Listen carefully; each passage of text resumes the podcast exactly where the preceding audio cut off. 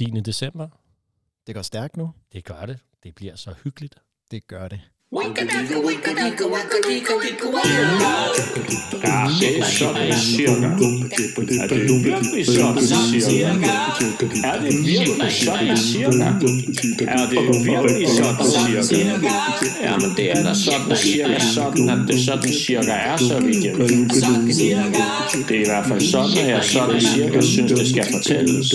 Ja! Hej, Aske Ebbesen. Hej, Andre Andersen.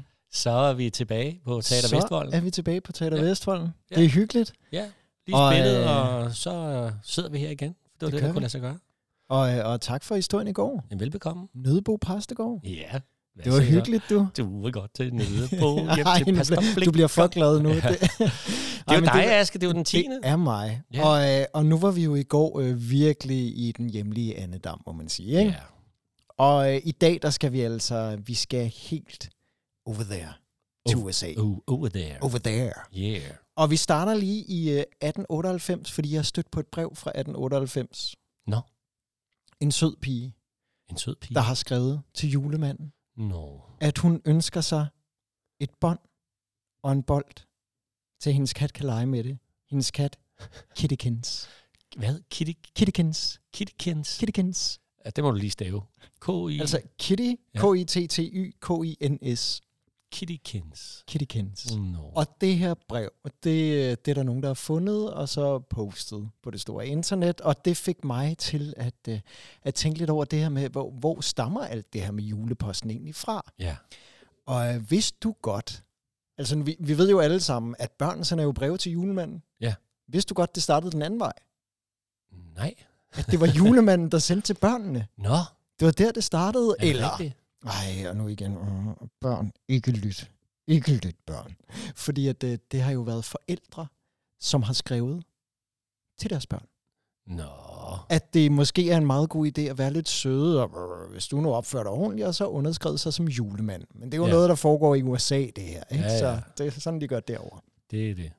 Ja. Men i hvert fald, så øh, er der så nogle børn, der har tænkt, nej, hvis, hvis julemanden kan skrive til mig, så kan jeg vel også skrive til julemanden. Ja, det er da klart. Og det har de gjort, og så var der en avis, der fandt ud af, at der var nogle børn, der var begyndt at skrive til julemanden, og så har de tænkt, vi poster der bare en adresse i vores avis, vi skriver der bare, man skal bare skrive til julemanden på Nordpolen. Ja. Det har de fået skrevet, og det er jo, det er jo simpelthen så jeg ved ikke, om det er dumt, eller hvad det er. Det er i hvert fald hårdt arbejde for den stakkels postmand, der skal prøve at finde øh, en modtager af brevet Ja. til julemanden. Det må man sige. Og øh, det, der så sker, det er, at de her breve, øh, hvis man ikke har noget sted at aflevere dem, så kigger man selvfølgelig på afsenderen. Ja.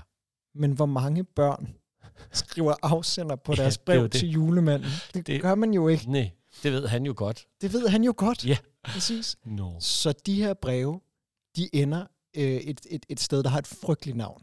Ja. Det hedder The Dead Letter Office.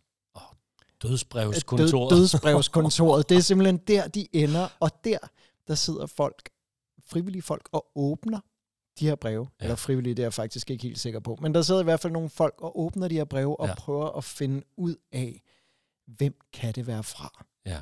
Og der er jo rigtig mange af de her breve, som altså aldrig, hvor, hvor, hvor, hvor man aldrig finder ud af, hvem afsenderen er. Men der er også mange, der har åbnet de breve og tænkt, nå, hvor er det sødt. Ja. Jamen, det er jo simpelthen, jamen, hvad, hvad gør vi? Vi må da gøre noget. Ja. Så derfor, så er der sådan flere velgørende organisationer, der engagerer sig i det her.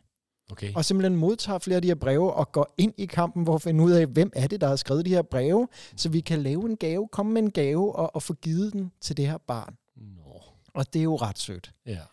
Og der omkring, jeg kan ikke helt finde ud af, om det er 1911 eller 1913, der kommer der altså en real life Santa Claus. Uh. Han hedder John Gluck med U. Nå. John Gluck. Oh, han lyder som Og han, øh, håndvåben. Det gør han nemlig. og han har fundet ud af, at øh, alle de her øh, velgørenhedskontorer, de arbejder sådan lidt hver især, og derfor tænker han, prøv at høre, jeg, jeg, jeg laver en central for det, Ja. hvor jeg formidler alle de her breve Ja. ud til de her velgørende organisationer. Og det gør han, og prøv lige at forestille dig. altså, prøv lige at forestille dig, hvor populær en mand han bliver. Han kalder det, hvad er det, Santa Claus Office, tror jeg, eller noget i den stil. ja. Prøv lige at forestille dig, velgørende organisationer, om de har lyst til at give penge til det her. det tror jeg da vist Det nok lige. virkelig tro, de har. Ja. Så de poster penge efter ham her, og første år, Ja. hvor det er ham, der sidder og formidler de her breve og kontakten, der hjælper han 28.000 børn. Man finder Åh. frem til 28.000 børn, Nej. der får en gave eller et svar, og ret ofte, så de her børn, de kommer fra fattige familier, så de ønsker Nå. sig ikke det store, sådan, og min far er arbejdsløs, så jeg kunne bare godt tænke mig en lille ting, og så han er jo bare, altså der er aviser, der skriver, at han er både, altså han er både julemanden og ham, der løser de økonomiske problemer. Det kan simpelthen Nå. ikke være smukkere. Nej. Var det omkring øh, 1900? Øh, 19, nej, jeg ja, mener, det er 1913. 1913, Ja, mellem undskyld, fik jeg 1911 og fedt. 1913. Ja, fedt. Og i 1913, der går det simpelthen så godt, at han tænker, jeg bygger simpelthen julemandens store kontor i marmor midt på Manhattan. Okay. Ja, præcis. Okay, og der er også nogle af de her donorer, der begynder at være sådan lidt, "Nå, Ja. det er også lidt voldsomt, og man Ja. kan gå ind på det store internet og finde tegninger af, hvordan det skulle have set ud, Ja. den her bygning. Fordi det bliver aldrig til noget. Nej. Fordi at øh, der er nogle af de der donorer, der begynder at tænke sådan, nej okay, altså det er alligevel ret store pengebeløb, han kræver ham, Ja. John Glock, og, hvad, og, og det der kontor, er det en rigtig god idé?